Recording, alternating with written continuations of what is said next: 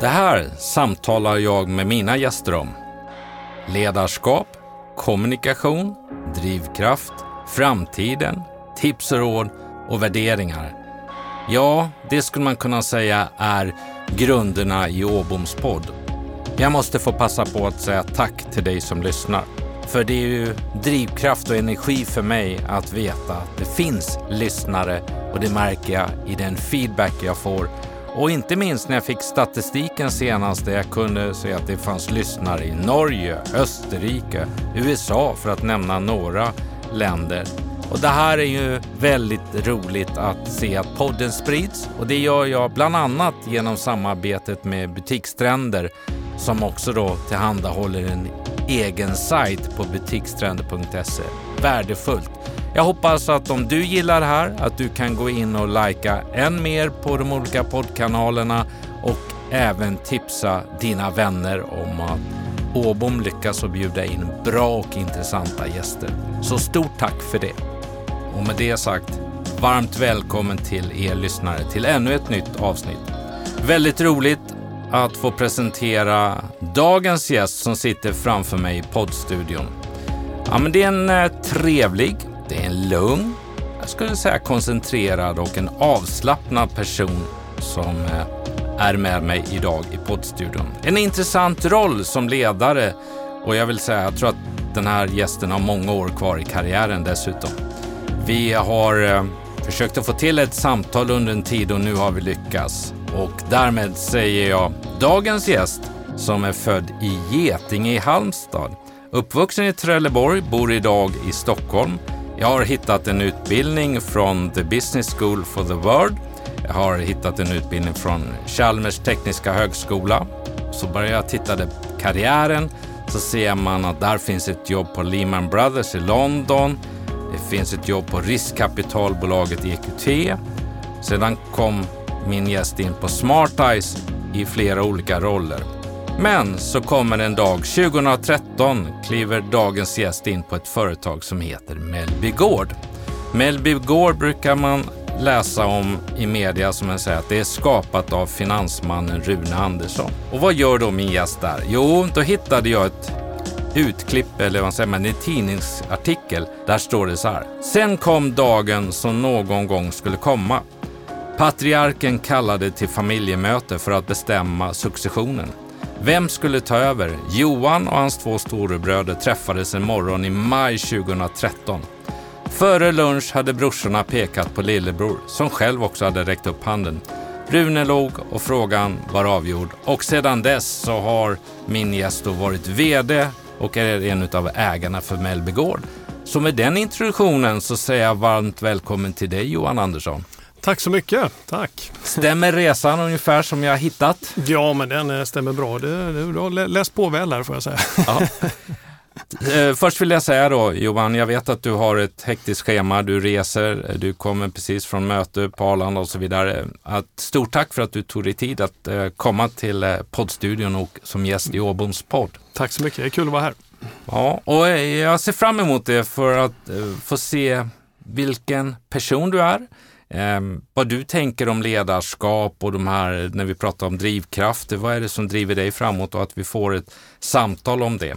Men som inledning, utöver min inledning, så tänkte jag att du skulle få ta en inledning till mina gäster och berätta om vem Johan Andersson är. För att det här är ju, vill jag säga då, det är ju ingen intervju. Jag är ju ingen journalist. Jag är inte ute efter ett scope. Jag är ute efter ett samtal där vi kan bjuda på dina reflektioner, dina erfarenheter till mina lyssnare. Det är viktigt. Så, så där kan du vara helt trygg. Det är inte någon kvällstidning du har mitt emot dig Johan. Uh, så vem är Johan Andersson? Ja, var ska jag börja någonstans? Jag är eh, 42 år gammal och eh, bor som du påpekade i eh, Stockholm. Där jag har familj, fru och tre små barn. Eh, den äldsta är fyra och ett halvt så att det, det är fullt upp där hemma kan man säga. Eh, kontoret för Mellby Gård ligger dock i Malmö så att jag pendlar väldigt mycket mellan Malmö och Stockholm hela tiden i min, i min vardag. Annars så är jag uppvuxen i Trelleborg. Jag hamnade där eh, med, med familjen när jag var fem år gammal eh, och eh, gick hela skolgången där. Eh, därav också mitt, mitt eh, fotbollsintresse i Trelleborgs FF, värt att notera. Man får ju passa på att göra lite reklam i varje fall för en, för en fotbollsklubb som inte får så mycket reklam emellanåt. Det kan vara så att vi kommer tillbaka till det under okay. samtalet Johan. Ehm, och eh, sen efter, efter lumpen och så här så eh, eh, studerade jag i Göteborg på Chalmers maskinteknik med eh, mycket inriktning inom, inom det, det, matematiska området också, teknisk matematik som, som det heter. Och det förde mig egentligen av en slump, så, som ett bananskal in på mitt första Ja, det var inte ens ett jobb, det var ett sommarjobb jag fick på Lehman Brothers. Banken som hette Lehman Brothers, den eh, finns ju som bekant inte kvar. Den åts ju upp av två andra banker och, och integreras med dem. Eh, men så, så, att jag, var, jag jobbade inom, inom banking helt enkelt i, eh, i London under ett par års tid. Sökte mig därefter till EQT eh, eh i Stockholm. Eh, sökte jobb där och fick jobbet så jag tog pick och pack och drog eh, till Stockholm eh, någon gång 2006 var väl detta. Och hade en, eh, några väldigt spännande år eh, där. Eh, och eh, ja, det, sen efter fem sex år i finansbranschen då eh, valde jag att göra annat. Så att jag pluggade faktiskt ett år. Jag, jag gjorde en MBA. Mm. Eh, och eh, efter det så tog jag väl delvis klivet in i familjeföretaget när jag började jobba för Smartice då, mm. Eh, som är vår optikkedja och som vi var med och grundade en gång i tiden faktiskt. Och efter några år med Smartice så, så hade vi den här successions mötet som gjorde att jag, att jag varit VD för Mellby Gård sen, sen 2013. Här. Det känns som att det var tre månader sedan men att det har gått åtta år det är lite svårt att, att fatta faktiskt om jag ska vara ärlig. Men eh, annars eh, intressen och så här, eh, det, det, är klart eh, fotbollen eh, ligger mig varmt om hjärtat. Jag eh, spelade mycket fotboll när jag, när jag var mindre och satsade mycket på det som junior. Men, mm. du kunde ha varit med i EM nu just nu då när vi ja, spelar in det här. Det är ju typiskt va, men ja. Jan Andersson han ringde aldrig. Ja, men det, det, var väl någon gång där i 18-årsåldern som man fick det, det bistra beskedet att eh, man, man, inte var tillräckligt bra för att, för att liksom spela på, på de riktigt höga nivåerna mm. helt enkelt. Så att, men fotbollen har jag hållit i sig, men jag har spelat i de lägre divisionerna i, i många år och sådär. Annars så försöker jag ja, eh, ibland ta mig ut på golfrundan och sådär. Och en annan sport jag höll på med, eller sport, det kanske är ett fel uttryck, men eh, jag spelade mycket schack faktiskt när jag, när jag, var, när jag växte upp i Trelleborg. Mm -hmm. Så jag mhm. var med i en, eh, en schackklubb där och, och, och var runt och, och, tävlade på massa obskyra schacklokaler runt om i, i Skåne faktiskt. Är, är du en väldigt eh, smart person? Jag menar schack, det är ju väldigt mycket tänkande strategier. Nej, det, det, det, det vore förmätet att, att försöka definiera sig själv som smart tror jag. Men, men det, det, det är ju en bra träning för hjärnan, det måste ja. jag säga. Alltså det, det, schack är ju mer man kanske inte ska översätta det med smarthet men, men eh, taktik. Liksom. Mm. Det, det är det. Och, och, det är rätt mycket matematik i det mm. där också. Att försöka hålla flera potentiella drag i huvudet och, och sådär. Så att mm. Eh, det, det eh, och man, man tvingas koncentrera sig under väldigt lång tid också. Schackpartier kan ju ta nästan fyra till och med sex timmar. Eh, Eh, eh, och så, så, så det, det, var, det var kul, men sen mm. var det mycket annat som tog överhanden tog när man eh, på gymnasiet och sådär med fotbollen och annat och, och studier ja. såklart också. Men, men det, var, det var en kul period i varje fall. Åka mm. runt i massa sådana här, en, en schacklokal är oftast en obskyr sån här gammal skyddsbunker. Liksom. Där, där sitter man och svettas och, och möter någon och på den tiden så var det ju ingen rökförbud heller. Så man kunde möta någon som satt och liksom bolmade. Så, här. Och, eh, så i det här skyddsrummet så var det som en stor dimma i lokalen. Så att, eh, kanske inte den mest hälsosamma miljön, men väldigt kul. Finns det bilder på det här? Jag ser framför mig nu, jag tror säkert lyssnarna också börjar att se de här skyddsrummen och där sitter den här unge Johan i, i dimman. jo, några bilder finns, finns säkert att tillgå ja. faktiskt. Det var länge sedan jag kollade på dem själv, men eh, ja. nej, det, var, det var väldigt roligt. Och det är också en sport där man ung möter gammal också. Ja, just. Man kunde ju sitta där som knappt nybakad tonåring och möta någon, en pensionär och, ja. och, och, eller någon i samma ålder eller någon mm. som till och med var yngre. Så mm. det, det är väldigt kul. Intressant. Johan, när man, eh, du ska få säga några ord om eh, dagens verksamhet. För jag kan se när jag har tittat eh, på, på det som är tillgängligt så att säga i, på hemsidor och så vidare. Så att Mellby Gård idag, närmare 20 bolag av olika karaktärer. Och då har jag hittat, där ni presenterar det, att Mellby Gård är en familjeägd, långsiktig investerare som månar om att bevara entreprenörsandan i portföljbolagen. En grundläggande del av affärsmodellen är strävan efter att vara den största ägaren i respektive bolag. Genom att vara det får vi rätt möjligheter att sätta den strategiska agendan och ta helhetsansvar för bolagsutveckling. Mellby Gård grundades 1986 och då från början var det någon som hette Andersson och Bennet, nämligen din pappa och en annan känd finansman som heter Carl Bennet kring det här. Och sen har det rullat vidare då. Eh, och idag så säger ni att Mellby Gård finns under fyra olika vertikaler, industri, konsumentvaror, jordbruk och tjänster. Kan du inte, vi ska inte göra, det är ingen reklampodd så det är inte det, men vi kan väl ändå få lite mer, vad är Mellbygård eh, med alla de bolagen? Men vi, vi är en företagsgrupp och eh, som, som har valt att vara i väldigt många olika branscher, väldigt många olika vertikaler och eh, det är en, det är en medveten del av strategin att inte lägga alla ägg i samma korg utan att vara väldigt diversifierade. När vissa branscher eh, går, går, upp så går andra ner och att ha den växelverkan är, har, har, varit väldigt viktig för oss. Eh, och Eh, Eh, det, det, är viktigt för oss att, att äh, sätta oss i, i förarsätet. Det behöver inte betyda att man äger majoriteten av ett bolag, men vi strävar efter att vara största ägare i varje fall. Det är vi inte i alla utav våra 20 bolag, men vi försöker äh, vara det. Äh, och det här med att bevara entreprenörskapet, det, det, försöker vi också, det är vi väldigt noga med. så tillvida att vi, vi, vi strävar inte efter att utvinna nödvändigtvis synergier mellan bolagen heller.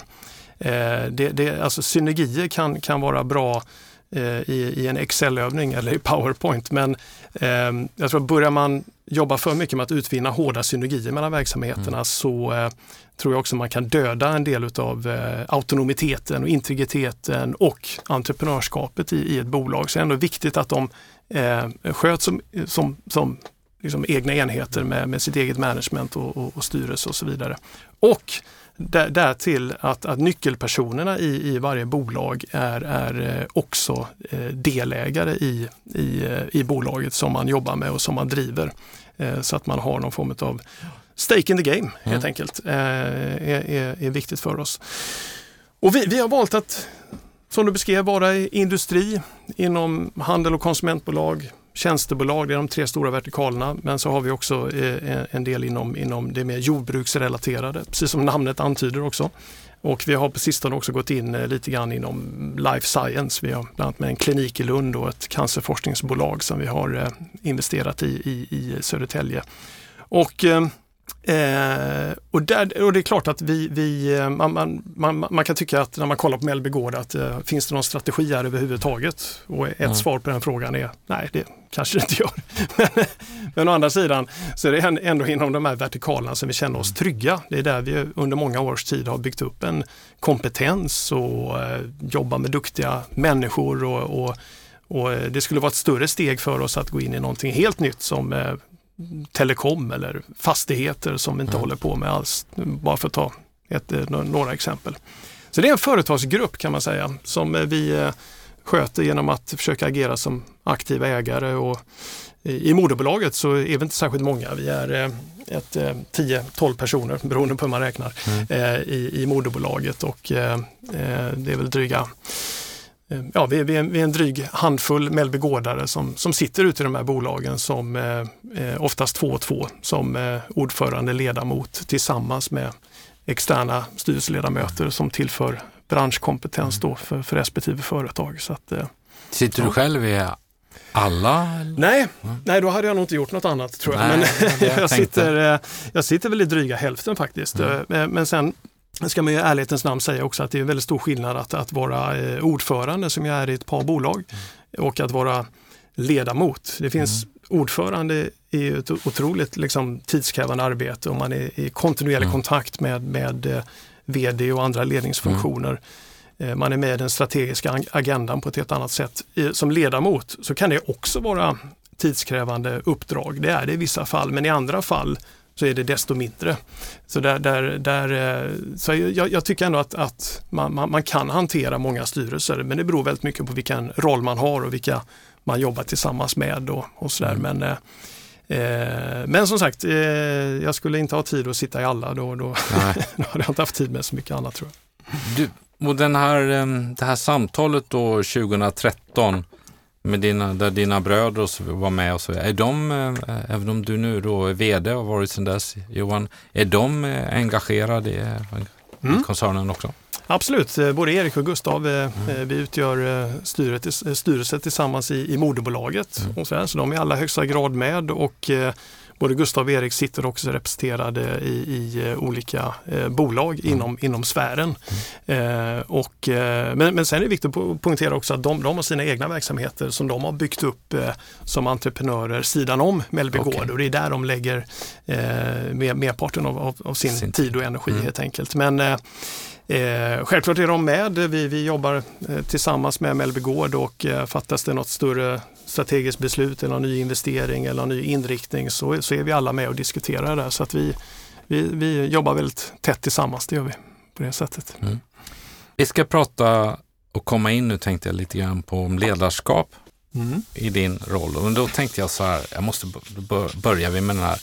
Eh, din far, din pappa Rune då som har grundat det, eh, efterträder du? Jag, jag tror att han är ordförande i Mellbygårdgruppen. Och, det stämmer. Ja. Ja. Eh, hur är det att kliva in och ta över den rollen som den yngsta av syskonen och så har man pappa som chef? Ja. Där pappa varit innan.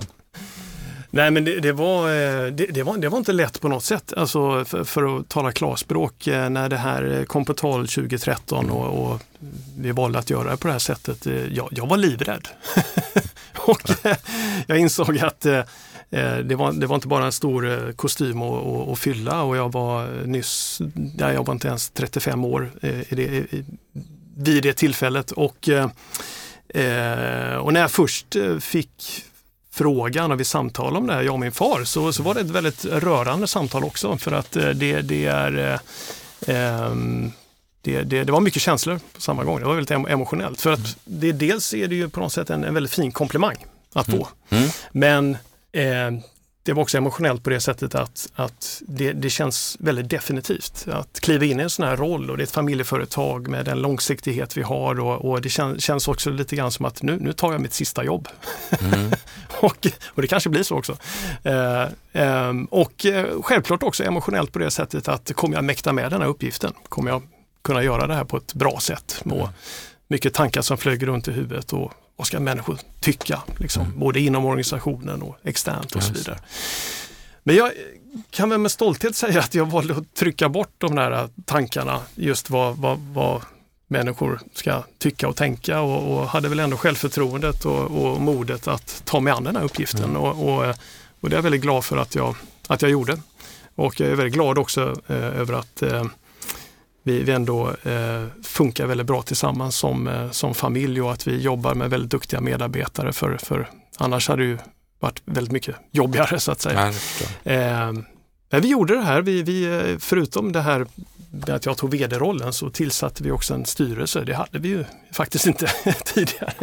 Okay. Jag vet att eh, min, min far började, började prata om att, att eh, någonstans så fanns ett gammalt styrelseprotokoll. Nu, nu pratar vi 2013, men det visade sig att det här styrelseprotokollet var från sent 90-tal. Liksom. så det, eh, det, det, var ju, eh, men bara det att, att sätta en styrelse på plats och ta in externa ledamöter och skapa den dynamiken mm. var väldigt viktigt. Mm. Och att göra en viss omorganisation. Jag, jag tror att i ett familjeföretag så tror jag att många kan som, som lyssnar som kanske jobbar i ett familjeföretag eh, kan, kanske kan känna igen sig att, att det är li, lite allt möjligt i ett familjeföretag. Mm. I vårt fall så var det ju förutom de operativa verksamheterna så var det ju gårdsverksamheten och det var travhästar och det var liksom allt möjligt ja. och skog. Och, så, så, vi gjorde liksom en omorganisation för, för att verkligen tydliggöra vad, vad som är mitt ansvar i form av vd och, och vad som är mer familjenära. Så att vi gjorde ett antal förändringar där 2013 mm. och, och det har eh, det, det med, med facit i hand så, så, kan vi nog konstatera att det har funkat det har helt okej. Okay. Ja.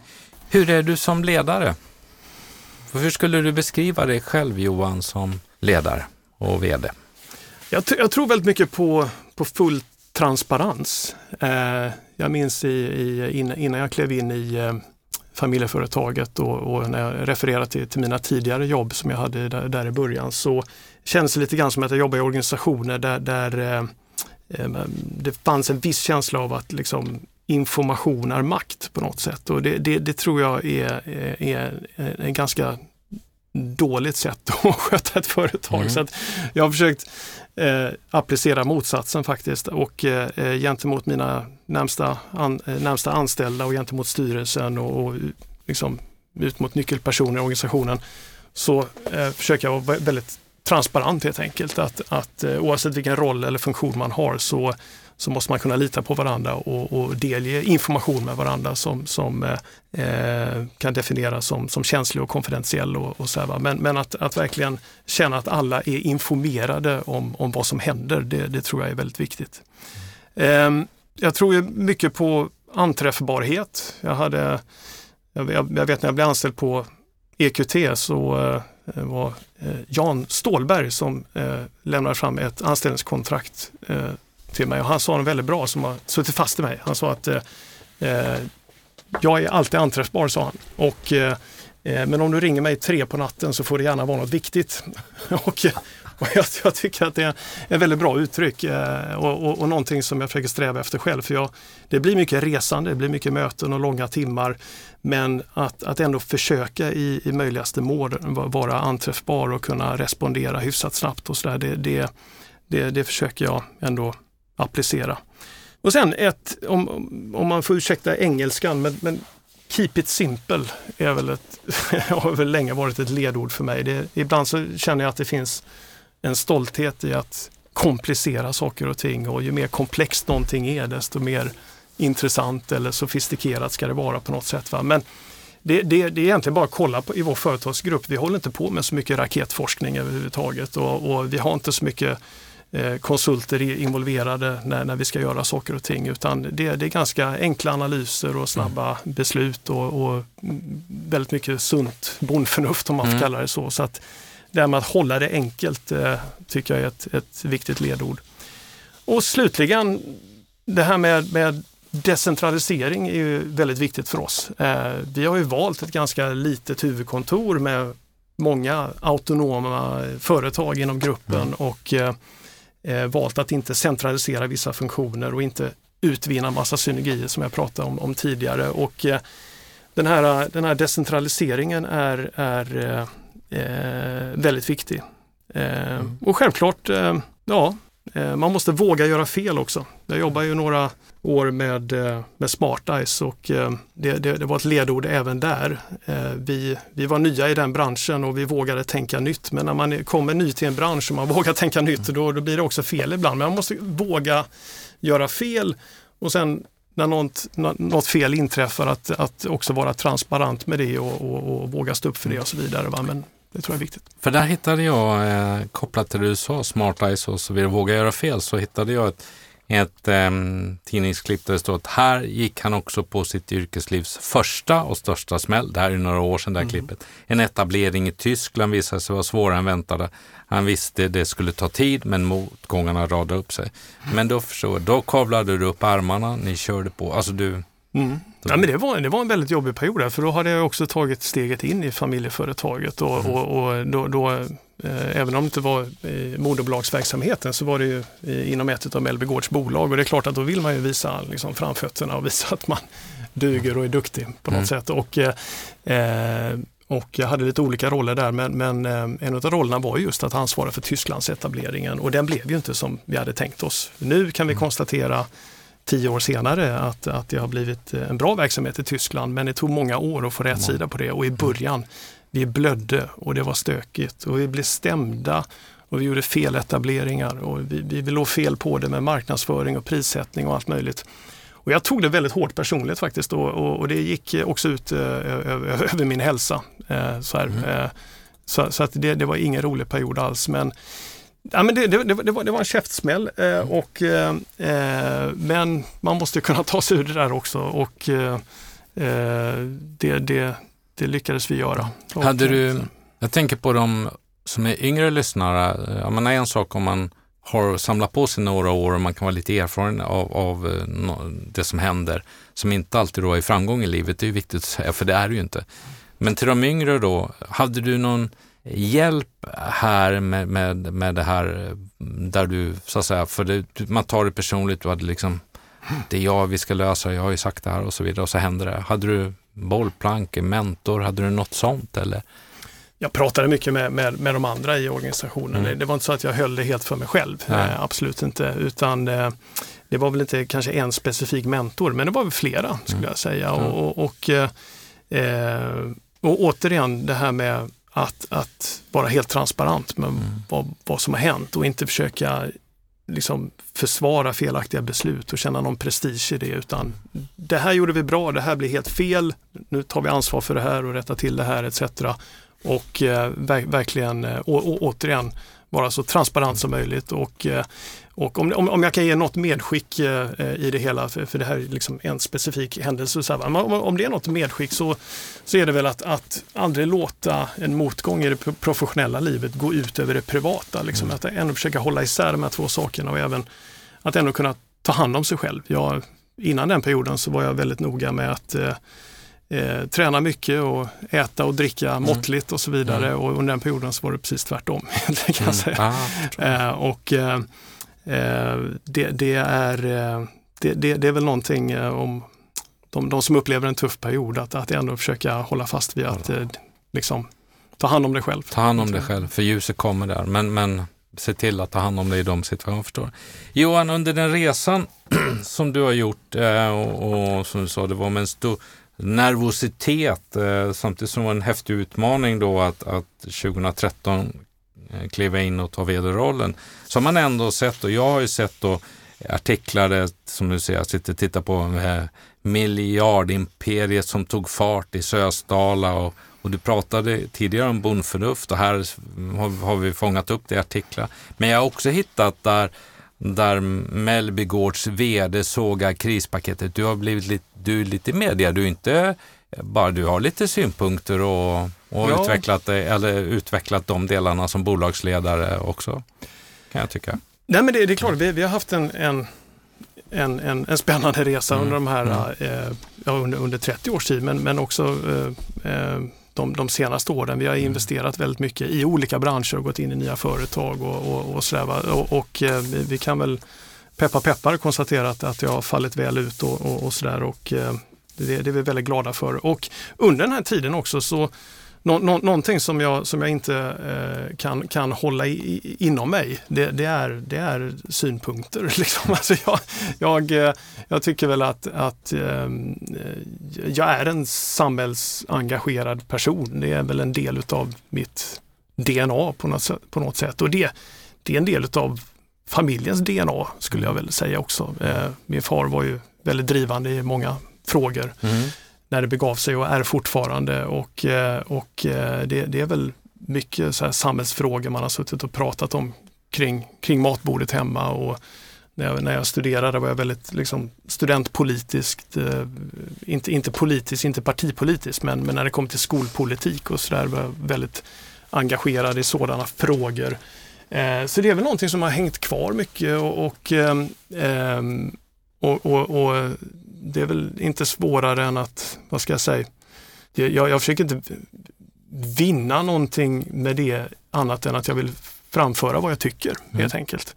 Och det, det tycker jag företagare generellt kan, kan bli bättre på och inte, och inte känna rädsla för att, för att gå in i en debatt. Eh, för jag tror att många kan tycka det är otäckt att man kan stöta sig med kollegor, med styrelsen, med, eh, med eh, kunder eh, mm. Eh, etc. Och, och, att det kan vara, vara liksom otäckt att ta ställning i olika frågor. Men jag tror att man har mer att vinna på det än, mm. än, än att förlora på det. Har du, har du fått eh, så att säga, kund eller partnerreaktioner på grund av att... Mm, ja. ja, mest, mest positiva mm. måste jag säga. Alltså, ja. mest, mest positiva reaktioner eh, för, för att man står upp för någonting. Men mm. eh, eh självklart det är en och annan negativ kommentar mm. också. Och, och så här, det, det är ofrånkomligt att det är så. Och det, det, det kan dyka upp liksom, kommentarer mm. på sociala medier och annat. Liksom. Men, men eh, övervägande positivt faktiskt. Att, eh, det, det är väl ett medskick till, till företagare generellt att eh, liksom vara med i debatten för att det, det behövs. Det behövs, ja. Du, samhällsengagemang är, är ju likhetstecken med fotbollsengagemang då, föreningslivet Johan. Eh, jag sitter här och tittar på eh, faktiskt en ganska ny här. Matchvärd hittar jag då. FC Rosengård mot Piteå IF, Mellby Gård. Och sen har de också en bild på dig som, som vd då när man lanserar. Har du sett den? Ja, men absolut. Här ja, ju häromsistens. Ja, det var häromsistens. Tänkte jag. Det här är väldigt personligt kopplat till det. Jag hittar ju då, um, själv är han yngst av tre bröder, uppvuxen i Trelleborg, drömde en gång om att bli fotbollsproffs, det har du ju sagt. Karriären tog honom till Tipselit-serien via Trelleborgs FF. Men, men nu tittar man ju på ditt engagemang då. av Mellby Gård har stöttat klubben med över 100 miljoner de senaste 25 åren. Alltså jag har ju stöttat eh, Täby IS innebandy genom att vara cupgeneral någon gång när mina barn lirade förut och eh, hjälpt till med några sponsorupphandlingar och lite sånt där. Men det är ju få som kan skicka in sådana här pengar och hjälpa till. Ja, men... Det är det ju. Men, ja, men vad, det... vad, vad, liksom, vad, det kan ju inte bara vara fotbollsintresse, det måste ju också kopplas ihop med samhället, hjälpa en förening, en viktig del i samhället på något sätt. Då. Ja. Och, och, och, det här med, med, att vara engagerad i, i, i föreningslivet är, ju fantastiskt mm. Eh, givande och, och, det är också någonting som behövs. Oftast är det många föreningar som, som jobbar med, med små resurser, eh, både i form av personer och kapital och oavsett på vilken nivå man kan stötta mm. så, så tycker jag man ska göra det på olika sätt. Mm. Bland annat min, min eh, svärfar Anders, han har varit eh, instrumental i att eh, ordna eh, SM i skidåkning och sådana saker mm. också mm. och lagt mycket tid på det där. Jag tycker sånt där är fantastiskt och mm. vi är såklart glada över att vi också har haft de, de, ska jag säga, de ekonomiska möjligheterna mm. att, att kunna stötta klubben i hjärtat med, mm. med, med, stora belopp. Men, men all form av engagemang är härligt och, och, och det är inte bara eh, liksom lagidrotter i form av FC Rosengård och Trelleborgs FF som, som vi eh, stöttat utan det, det, har en del individuella idrottare också. Eh, stöttar nu bland annat eh, eh, vår, vårt främste hopp inom kulstötning här. Viktor Pettersson som ska tävla i, i OS här eh, okay. framöver. Som, eh, och eh, jag, jag, hade själv förmånen att stöta kula med honom och han hade ritat en sån här linje. Den första linjen började 6 meter bort, ja. den andra 8 och den tredje 10 meter bort.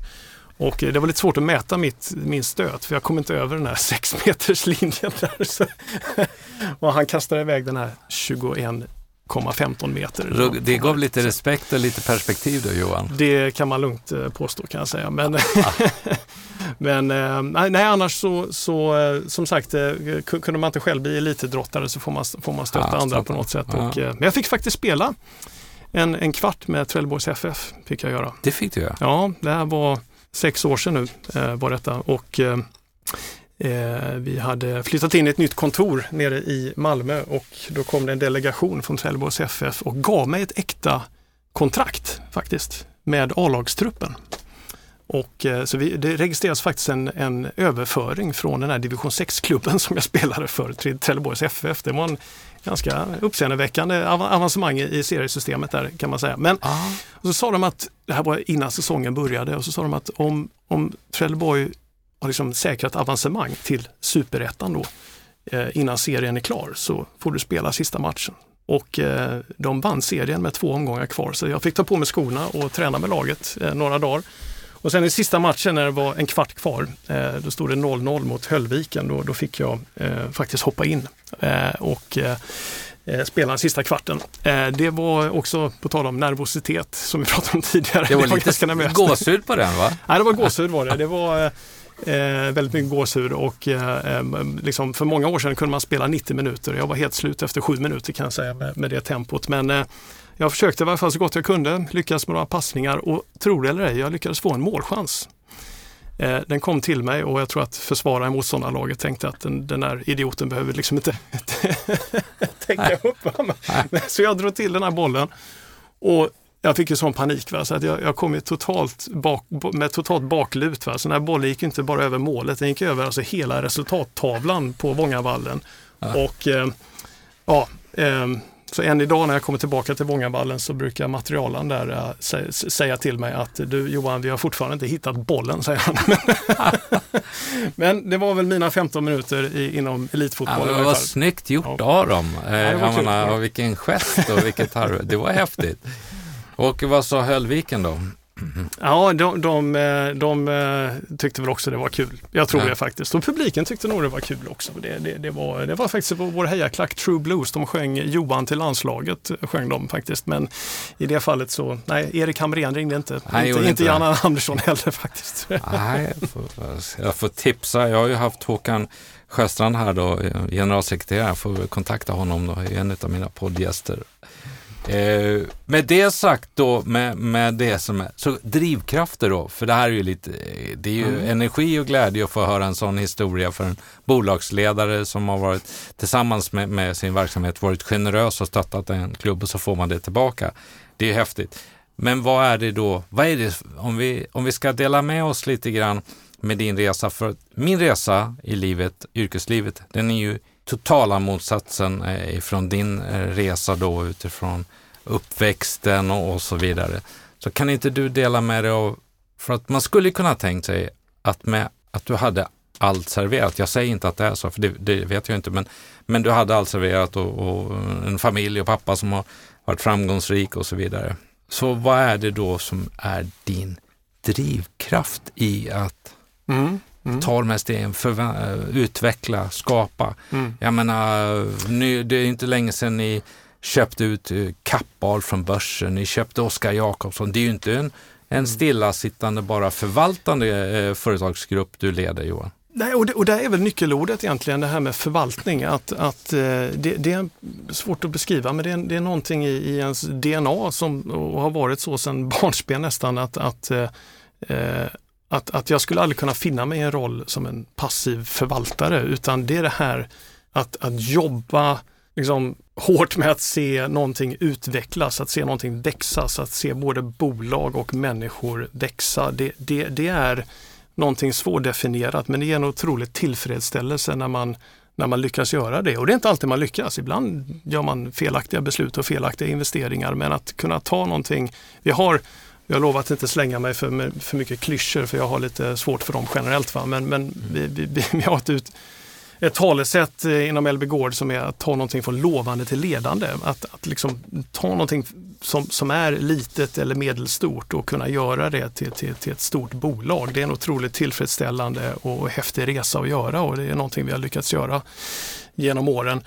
Eh, jag tror att en, en drivkraft är, är också att eh, försöka skapa någonting nytt. Att ge sig in i, i en bransch och, och liksom skapa någonting som inte finns där redan. Eh, att eh, både kunna eh, liksom ge eh, kunderna ett nytt erbjudande eller vara lite rebellisk i den branschen i fråga. Eh, tänka i nya banor. Eh, hjärta och hjärna är någonting jag kommer tillbaka till många gånger också. Att eh, man måste kunna göra saker och ting med både hjärta och hjärna. Mm. Om det bara är hjärtat som kommer påverka dina beslut, då kommer det nog gå åt skogen det mesta om jag ska vara ärlig. Mm. Men, och är det bara hjärnan som tänker i olika KPI med avkastning på insatt kapital etc. etc. Mm. Jag menar, då blir jobbet ganska tråkigt och då kan man gå och köpa en statsobligation istället. Va? Men, mm. men att hitta den här kombinationen och det, det, det liksom, vi skulle inte bara förvärva ett företag för den ekonomiska avkastningens skull utan det är för att verkligen göra skillnad på riktigt när vi går in i någonting. Och det, det är kanske det som gör att företagsgruppen ändå ser ut som, som den gör idag. Att, att vi har gett oss in i nya branscher, att vi har gått in nu på en, liksom en klinik i Lund och ett cancerforskningsbolag eller skapat en hel ny aktör inom optikbranschen. Och, och till och med inom begravningsbranschen också för den delen. Mm. Så att det, det, det, det var ju onödigt Johan. Ja, det var ju, jag vet att det var onödigt, jag beklagar det, men ja. Eh, så, så är det faktiskt. Mm. men eh, så det, det, det, är mycket kring det här med, med, med, eh, med eh, skapandet i sig som mm. Eh, kan vara lite svårdefinierat men, men som ändå, ändå är någonting som, eh, som, som är en del utav mm. vad, vad, man är, hur, hur, man är som person helt enkelt. Mm. Drivkraften för dig, äh, har du lagt upp att ja, om åtta år så ska Mellby Gård, för idag omsätter ni gruppen 10, 10 miljarder, 10 miljarder ja. i, de, i, i, i dotterbolagen. Sen I är inte alla utav bolag som är dotterbolag, men det var ja. dotterbolag som omsätter 10 ja. miljarder. Och så säger man om åtta år så ska vi ha bolag som omsätter 20 miljarder. Alltså tänker ni så också eller? Nej, vi gör inte det faktiskt. Vi, vi, vi, är ganska allergiska mot, mot liksom finansiella planer generellt. Mm. Mm. Smittar också av sig i, i hur vi, vi väljer att, att, att jobba med, med flertalet av våra bolag där vi försöker tona ner budgetprocesser som sådana. Det är väldigt mycket en bit last year, slå föregående år attityd eh, som, som vi vill applicera som, som tänk i, i våra bolag. Och det är så vi tänker själva som, som grupp att eh, eh, kan vi slå föregående år då tycker vi att vi har gjort ett bra jobb. Eh, och vi har inga planer på att om tre, fem eller tio år så ska vi vara si och så stora. Någonting sånt där. Och det finns så för och nackdelar med det men, men det, är, det är en modell som, som, vi, som jag tycker har funkat för oss. I varje fall. För riskkapitalister, där har du att liksom snabbt optimera en tre, tre eller femårsplan, casha in och så. Mm. Så är inte ni. Nej, och jag, jag, är väldigt glad att jag fått uppleva den sidan också. Mm. Eh, som, som jag, jag jobbade några år på EQT där, som jag nämnde. Och, och, eh, och eh, nu skulle inte EQT stämma in exakt, eh, de skulle inte mm. hålla med exakt om, om den beskrivelsen. Men, men självklart är det så att, och, och, det finns många jätteduktiga private equity-bolag och EQT är definitivt en av dem. Mm. Det är mm. bara att se vilken framgång de har eh, skapat. Och, mm.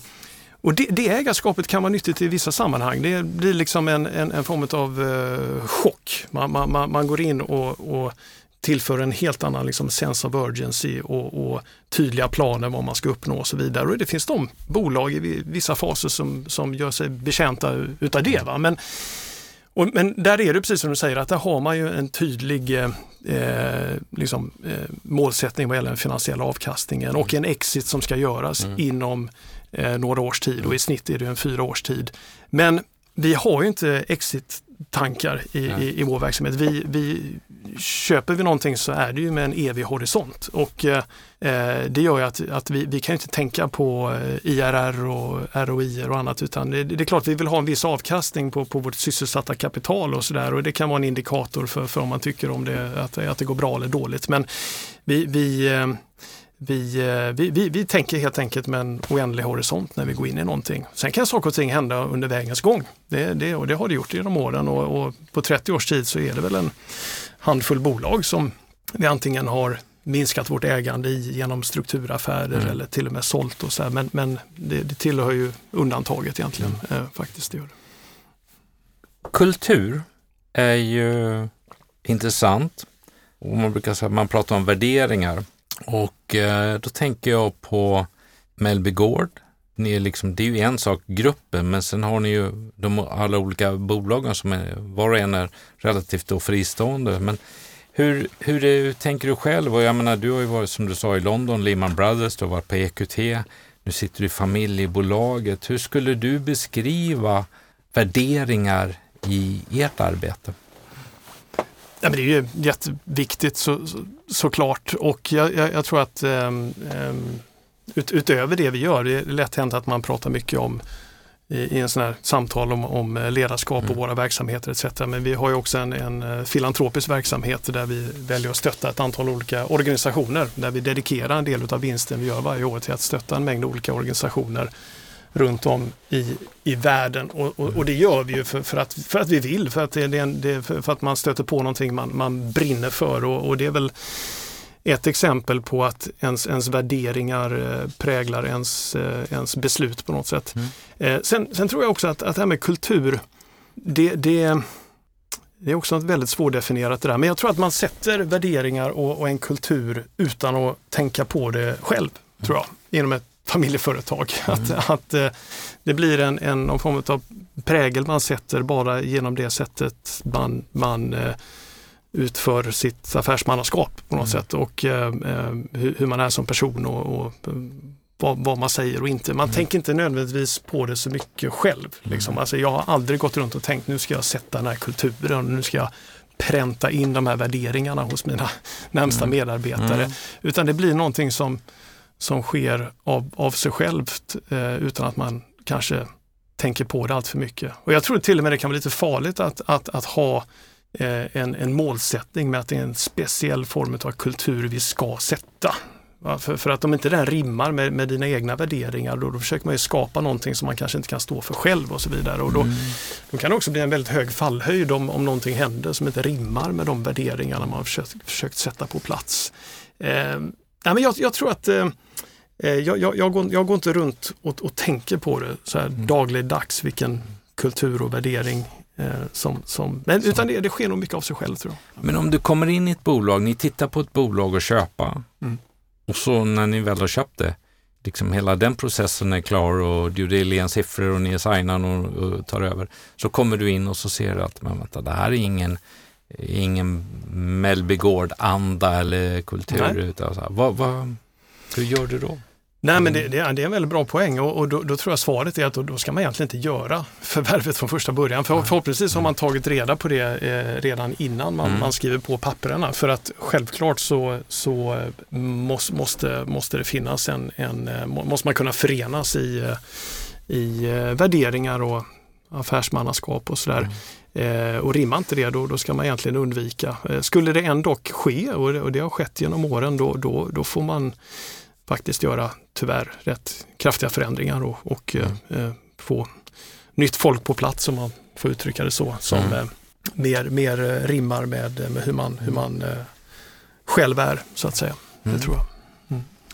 I de här olika ägarformerna eller bolagsformerna säger som, som eh, private equity eller som den stora Världsbanken, Lehman Brothers var och så nu då familjegruppen Mellby Gård eh, så tänker jag på, ser du skillnad på hur man styr de här olika bolagen? Och jag kommer att tänka på, kommer du ihåg att vi vid ett tillfälle satt och pratade eh, lite, vi kom in på styrning av, ett av våra första möten vi träffades, då var liksom styrning på en ekonomisk förening kontra aktiebolag. Mm. Det samtalet, du bara, vad? Och så, vi, vi går inte in på hela samtalet, men det var, här, eh, vi kom fram till olikheter och så vidare. Mm. Men med din erfarenhet, din karriär, ser du skillnad på hur ni styr och leder då? Um, jo, men det, det, det, det, är klart att, att eh, det, är, det är en skillnad. Alltså, tar man Lehman Brothers, det, det var ju det var ett jätteföretag. Liksom. Och, eh, och eh, det var ju en, en ganska hierarkisk, eh, amerikanskt influerad organisation och eh, det rimmar väl inte riktigt med de värderingar man har mm. själv på, på det sättet. Liksom att mm. ett, ett ja vad ska man säga, det, det, var inte så mycket interaktion. Jag var, jag var väldigt junior också på banken mm. där men, men det var ju väldigt eh, begränsad interaktion överhuvudtaget med överordnade mm. så att mm. säga mer än ens, ens närmsta chef. Så att det är ju direkta motsatsen till, till en platt organisation. Liksom, EQT var en väldigt spännande tid för jag tror under den här tidsperioden så, så gick eh, EQTs organisation från att eh, vara Eh, ganska, ganska eh, liten faktiskt. Mm. Och, och, utöver Stockholmskontoret så fanns det visserligen andra satellitkontor eh, som hade börjat etablera sig i olika länder. Mm. Men det var fortfarande så pass litet så det var en känsla av att alla gjorde allting. Mm. Eh, jag gillar en sån miljö faktiskt. Mm. jag tycker det är charmigt och en, ett tecken på en, eh, liksom ett entreprenör, mm. entreprenöriellt förhållningssätt. Och, mm. och men, men sen har ju EQT växt till, till en mm. jättestor organisation och då mm. måste liksom processer på plats och mm. hierarkin eller liksom dragspelet måste dras ut lite ja. grann och, och man måste hitta ja, mer processer för saker och ting och eh, det är helt naturligt och nödvändigt. Kanske inte lika charmigt mm. men, men, men det, det, det, är en naturlig utveckling på något sätt. Va? Men eh, annars så rent eh, kulturellt eh, tyckte jag också det, det var, som jag pratade om tidigare, var väldigt mycket alla höll, höll varandra informerade om, om mm. vad som var på, på gång etc. Eh, och familjeföretag, det, det, är ett eh, tredje djur, om man får kalla mm. det så, eh, där det, det, blir ju en, vad ska man säga, jag, har funderat mycket på de här frågorna själv. Vad, vad, vad är liksom ett en, eh, professionellt drivet företag och vad är ett family office egentligen? Mm. Och jag tror att vad, vad vi har i, i Mellby Gård är en kombination av, av de här två olika världarna på något sätt. Eh, och eh, eh det, det, det och det är vi väldigt glada för, för jag tror mm. att eh, mycket, eh, hade vi varit, eh, hade Mellby Gård varit ett börsnoterat företag på börsen, då, då, finns det mycket som vi gör idag som vi inte hade kunnat hålla på med. Då hade vi fått göra ytterligare omorganisationer och, och tillsätta ytterligare funktioner. Vi hade mm. inte kunnat hålla på med, med den här filantropiska delen på, för aktiemarknaden hade liksom inte accepterat att man skänker bort massa pengar varje år till mm. olika ändamål. Mm. Så, så, att, eh, så, så det, det, det, blir, eh, och hela den här kombinationen också med att, att ha ganska små verksamheter upp till stora. För skulle man ta Mellby Gårds 20-talet företag så är alla långt ifrån lika stora och det, det är inte ens linjärt utan vi, vi har några stora bjässar och så har vi en svans av, av mindre bolag. Men att, att också få in det här med att alla företags lika värde, att, att alla är lika betydelsefulla. Jag har aldrig riktigt förstått mig på vissa företag som, som pratar om det här med vad som är kärnverksamhet och vad som inte är kärnverksamhet. Va? För mm. att eh, jag tänker så här, hur känner de sig som jobbar i det, det som inte är kärnverksamhet? Mm, mm. Det måste kännas ganska nedlåtande. Så mm. vi, vi, är väldigt noga med, med att eh, aldrig liksom favorisera någonting. Eh, skulle du ställa frågan om, om eh, vilket företag tycker jag bäst om så skulle jag inte svara på det. Aha. Och jag har faktiskt inga preferenser heller utan att, att försöka lägga lika mycket tid, energi och, och eh, kärlek till, till allting. Det, det, mm. det, tror jag är viktigt. Det är viktigt. Eh, Fredrik Rågmark som var här och som var i mitt förra avsnitt som gäst, som vd för Medicovers. Han sa bland annat att det går inte som ledare att gå runt och vara orolig hela tiden. Eh, då gör man inget bra jobb utan saker och ting händer. Ehm, hur är du där? Går du runt och är orolig eller tänker du ofta att det där kunde jag gjort bättre eller ser du bara framåt? Jag ser väldigt mycket framåt mm. faktiskt. Jag, jag, går runt och jag går väldigt sällan och grämer mig för någonting som man borde ha gjort eller inte borde gjort och så vidare. Utan det, det är, för, för mig är det fullt fokus framåt. För man kan mm. ändå inte påverka det man har gjort faktiskt. Ja, om någonting man, man, kan försöka göra sitt bästa för att reversera ett dåligt beslut. Va? Men, men det är väldigt mycket fokus eh, framåt och eh, det, vi lever i en väldigt föränderlig värld. Det, det händer väldigt mycket och eh, det, det, ser vi alla liksom, i hela digitala revolutionen som, som vi är mitt uppe i. Och, men jag, jag, jag går inte runt och är rädd för det utan jag tycker man, man, ska, man ska omfamna det på något mm. sätt. Och det gamla kända uttrycket, man ska alltid stå på kundens sida på något mm. sätt och det, det gäller både våra B2B och B2C-verksamheter att eh, man måste anpassa sig till rådande förutsättningar och, och eh, kunna förändra sig som, som företag och, och, mm. och sådär. Så att, ja, jag går inte runt och är orolig på det mm. sättet. Mm. Det var väldigt svettigt under, under corona. Det, det ska jag, och vi är, vi är fortfarande uppe i den pandemin. Det är intressant att du kom in på det, för det var nämligen det jag tänkte vi skulle komma lite ja, grann. Ja, ja, okay, ja. För den, den, har, den gick inte, eller som du sa, vi är mitt i pandemin. Mm. Den har inte gått smärtfritt förbi nej. er i era verksamheter? Nej, oh nej. Alltså när samhället stängde ner i, i, eh, i mars förra året, 2020, så eh, fick vi erfara att några av våra företag eh, ja, hade försäljningstapp på 70 procent till och med 93 procent. Det var, eh, jag vet att eh, Kappahls verksamhet i Polen var minus 100 procent. Jag vet jag kontaktade CFO för, för att jag, jag, jag trodde det var ett skrivfel men det, det var det inte utan det var, det liksom total shutdown. Och, eh, ehm, och, och, och, det fanns ett handfull bolag utav våra 20 bolag som, som kände av det rejält. verkligen. Och i några av de bolag så, bolagen så låg vi också i, i processer som eh, eh, där vi skulle, ja, refinansieringsprocesser helt enkelt, där vi skulle förnya avtal med, med banker och det kan man ju tänka sig att det var inte så himla lätt att göra det när, mm.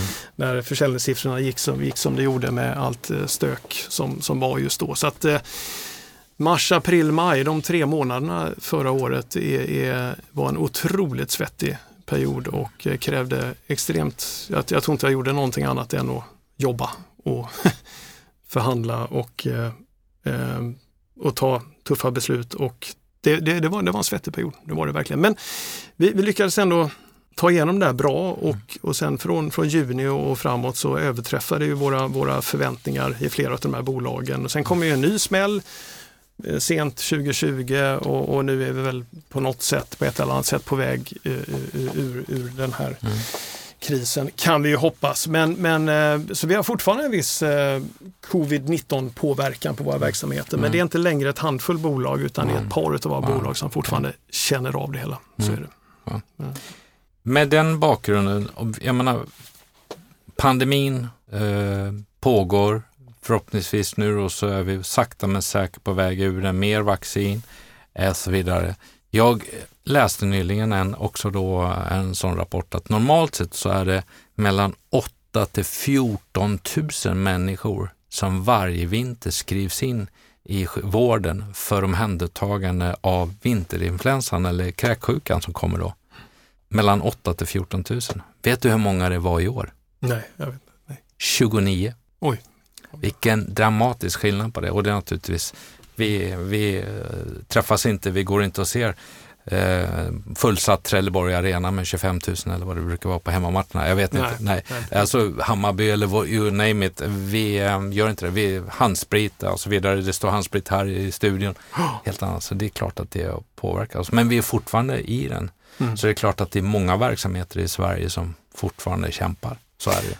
Verkligen, absolut. Men det är, det är, det är klart, vi har, vi har blivit mer eh, hygieniska, får Ja, man säga, det- det året. Ja. Och, eh, ja, men hur vi hälsar eller vad vi gör vi träffar och så vidare. Den här kramen är inte där längre. Eller är vi krassliga så vi åker inte till jobbet eller så vidare. Nej, så, så är det Det verkligen. Så är det verkligen.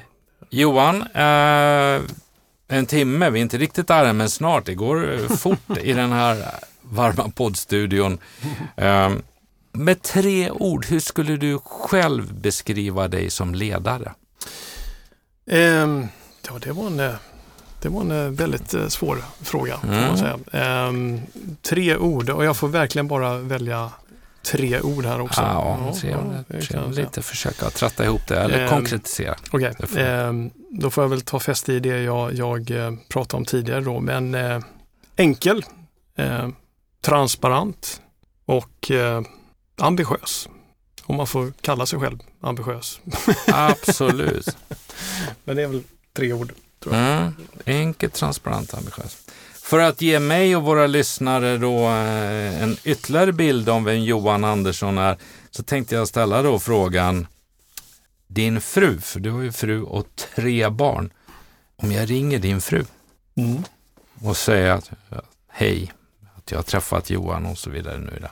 Då så säger hon, att har, hon- du, har du träffat, har du träffat, var är han? Ja, och- Okej, jag fattar. Eh, då. Den är spännande. Ehm, tre ord från henne. Vad skulle hon säga om dig?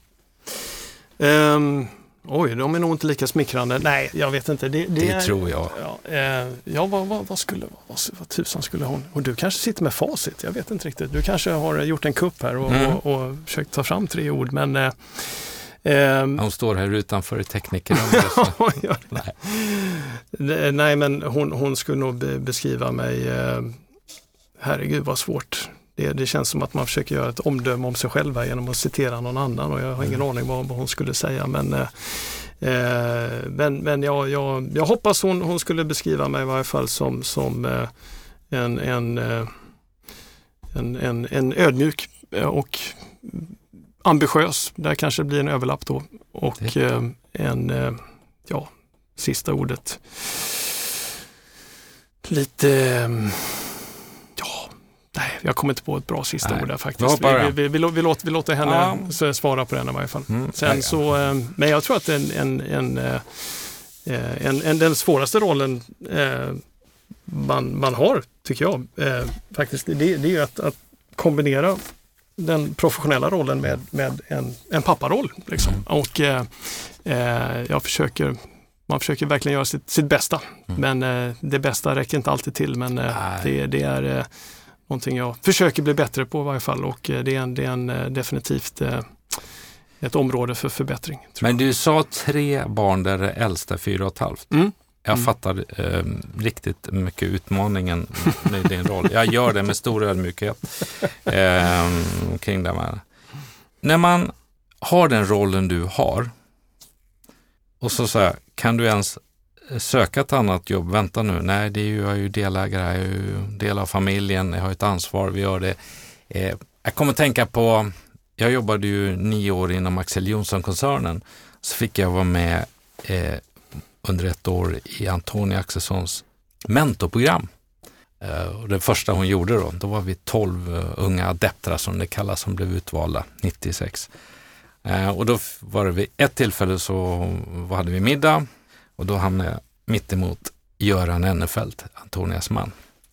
Och då eh, lutade han sig fram, han har ju liksom väldigt strikt ordningsam, men lutade han sig fram och så sa han, hör du unga herr Åbom, eh, att äta frukost med Antonia, det känns som en evigt lång bolagsstämma varje helg för mig. Så, det var, och då, och de, min mentor som var lite äldre, som sa, han var chockad att han var så, men, och så skrattade han med blinka i ögat till mig.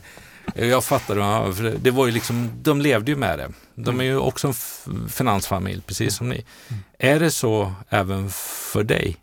Ja, Ja, men det får jag nog säga att det är. Liksom. Eh, jag sa ju det i, i början här utav mm. vårt samtal att, eh, och, och, lite grann eh, lite rädslan som jag hade när jag gick på den här mm. rollen om att eh, herregud, man, man tar sitt sista jobb. Mm. Liksom. Men sen förlikar sig med, med den tanken och tycker faktiskt att det är kul och, mm.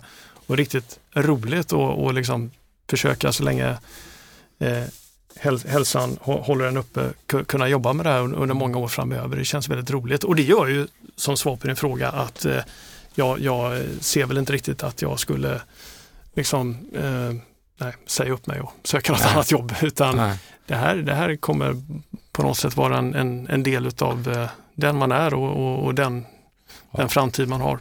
Och styrelseordförande, han kan ringa när som. Ja, ja. Så är det. Han, han, kan, han ringer inte tre på natten, men han kan, han kan ringa sent. kan han göra. Absolut. Vi, vi, har, nej, vi har det väldigt bra. Men du, hur, hur, jag måste, hur laddar du batterierna? Um, hur, hur gör du tillsammans med din familj? Hur laddar mm. du batterierna för att ändå orka vara på ja, det är Just att, att, att, vara med familjen och, och att eh, liksom hitta på grejer med, med barnen och, och sådär. Och, och vill man verkligen koppla bort hjärnan helt och hållet, eh, vilket jag behöver göra ibland också, då, då eh, Bygga lego är en sån här ny grej jag har mm. fått för mig. Men okay. det blir så när man har, man har ja, små ja, barn. Ja. Eh, så eh, har, har jag plockat upp legobitarna igen som jag inte har pillat med på de senaste 35 åren känns det som. Men det är också en sån här, man kan sitta, kommer tillbaka lite grann till det där med schacket som jag ja. pratade om tidigare. Att, att kunna fördjupa sig i någonting under mm. par, tre mm. timmar i sträck och där det bara är det som är fokus. Mm. Det, det, det är att ladda batterierna för mig. Jag, det kan också hända att jag drar ut, jag har en eh, sån här vattenskoter eh, mm. också. Så att, att, bara dra ut med den och eh, åka runt där och mm. längs med vågorna. Och, eh, det är häftigt. Mm, och det, det behöver jag bara göra en kvart, sen känner jag att okej, okay, nu har jag tänkt på annat. Liksom. Jag har tänkt på annat, stängt av.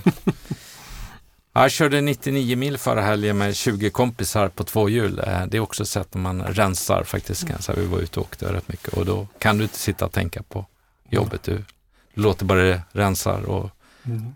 Intrycken kommer in på, från allt du ser istället och upplever. På, på motorcykel alltså? Ja. Mm. ja. ja. Nej, jag har inget mc-kort så jag har aldrig, aldrig, aldrig, testat det där riktigt. Nej, men det är faktiskt, jag kan rekommendera, väldigt trevligt. Bästa lyssnare, till Åboms podd. Idag så har jag haft förmånen att få bjuda in och få träffa Johan Andersson, 42 år, eh, som bor i Stockholm men som pendlar väldigt mycket ner till huvudkontoret i Malmö för Mellbygård-gruppen. Ja, det började som ett sommarjobb, karriären med Lehman Brothers. Sen tog det vidare. Intressena fanns vid sidan om i uppväxten som var både fotboll, golf och eh, lite överraskande schack där vi fick en eh, känsla av att vi var delaktiga i den där dimmiga eh, bunkerrummet med, där man spelade schack på den tiden en del gånger. Ja, vi pratade om Melby Gård, den resan. Vad är strategin framåt? Finns det någon? Vi pratade om kompetensen. Vi pratade om, eh, har pratat om rollen då att efterträda sin far som VD och ha sin far som styrelseordförande. Ledare för Johan, det handlar om att jobba med full transparens, att ha en insikt om att information är lika med makt och det är en dålig kombination om man inte förstår vad den kan eh, missbrukas till. Anträffbarhet, viktigt för Johan. Keep it simple. Jobbat väldigt mycket med att eh, skapa en trygghet i att våga göra fel, för det blir det ibland. Och det kommer bland annat från erfarenheten. Vi pratade om eh, Tysklandsdelen i Smart Eyes, eh, där den också då var en tydlig tillbaka eh, reflektion från Johan om att inte låta yrkesmässiga också drabba det privata. hur man lever. Vi har också covid-19 som vi är liksom mitt i eller på väg ur kanske, men hur den påverkar eh, erfarenheter som man tar med sig. Ja, vi har också träffat en bolagsledare som har klivit mer och mer ut på den eh, officiella arenan med att dela med sig om synpunkter. De ska bara ut. Jag har ett samhällsengagemang. Det finns en DNA i familjen för samhällsfrågor. De är viktiga. De ser vi bland annat också i engagemanget för idrott, olika lag eller individer. Men vi ser dem också i den filantropiska verksamheten som LB-gruppen är aktiv och driver. Johans drivkrafter, ja det finns ett DNA för Johan som handlar om att utvecklas och det handlar både om bolag och människor. En drivkraft är att skapa något nytt. Och Johan och Melbygård är lite allergisk mot finansiella planer. Det finns andra sätt att utveckla verksamheten och Johan ser mycket framåt, tittar inte tillbaka på allting och, och eh, analyserar utan nu har vi fokus framåt. Eh, vi fick också ta del av en härlig upplevelse där man ser ett samarbete från Trelleborgs FF som bjuder på 15 minuter i, i den slutmatchen mellan Trelleborg och Höllviken och materialarns kommentar att de har fortfarande inte hittat bollen från den gjutna målchansen Johan. Ja, fångade också det ni har ett, ett tankesätt som säger att ja, vi ska verkligen titta på från lovande till levande i det vi gör. Vi ska också koppla ihop hjärta och hjärna, för det är en viktig del i, i sättet att leda och driva bolagen. Ni är istället för stora eh, finansiella planer så handlar det lite grann om att slå föregående år och bygga vidare hela tiden i de här där. Värderingar, ja det finns absolut starka sånt i ett familjeföretag och vi pratade också om hur viktigt det var att analysera det vid förvärv så man vet vad man kliver in i eller inte. Jag vill säga så här att nu har jag träffat Johan Andersson. Det är inte första gången vi träffas Johan, eh, men det är första gången vi träffas i poddstudion. Men eh, den bilden du ger av dig och ert sätt att driva, det är att det är en företagsgrupp med ett stort hjärta. Men jag skulle också vilja säga att det är en företagsgrupp som är smarta eh, kring de här delarna. Hur ni tänker och agerar. Och då har jag skrivit, även om jag nu lite då fuskar Johan, för att eftersom vi har träffats ett antal gånger innan, så kan jag skriva orden här. Då har jag skrivit trevlig, du är en lugn person, avslappnad och så har jag skrivit smart. Jag tror man ska ha med sig det när man träffar dig och eh, pratar affärer och något annat, att du är väldigt smart Johan. En underbar timme tillsammans. Jättekul eh, att få sitta ner och prata om dig, din resa, din, eh, dina upplevelser och erfarenheter. Och jag kommer med intresse att vilja följa och se vad de kommande 10-20 åren kommer att ge och vad, inte minst vad du landar i eh, Mellby Gård, eller vad Mellby Gård-koncernen kommer att landa under ditt ledarskap kring de här delarna. Vad kul att höra. Tack för en fin sammanfattning och superkul att träffa dig igen. Får mm. säga. Mm. Med det så är det dags att avsluta. Mm. Och eh, naturligtvis önskar jag dig allt gott. Eh, en, en härlig sommar och ta hand om familjen. Mycket legobyggande och så vidare. och eh, vad övrigt ska göra. Mina gäster får avsluta podden med en skön känsla genom att spela en låt. Ja. Och vad skulle Johan Andersson vilja bjuda lyssnarna på? Oj, eh, jag har haft en väldigt, eh, liksom Gård, en väldigt diversifierad eh, musiksmak kan jag säga. Men och jag anammade väldigt mycket mina bröders musiksmak där på 80-talet, en bit in på 90-talet. Så att ett band jag lyssnade på mycket då var Dire Straits. Mm. Och eh, de har eh, gjort en låt som heter Brothers in Arms. Så att eh, den skulle jag vilja spela.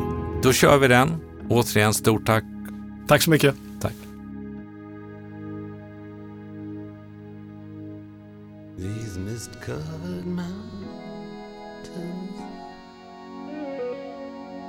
are home now for me. But my home is the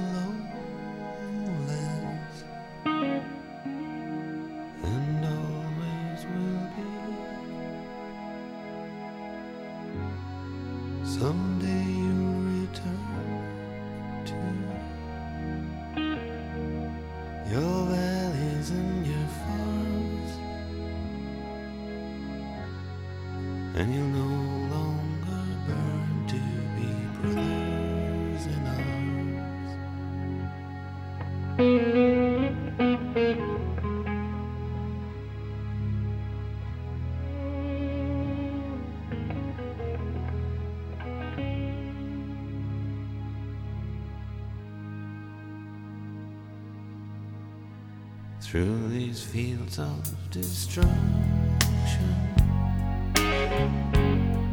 Baptisms of fire.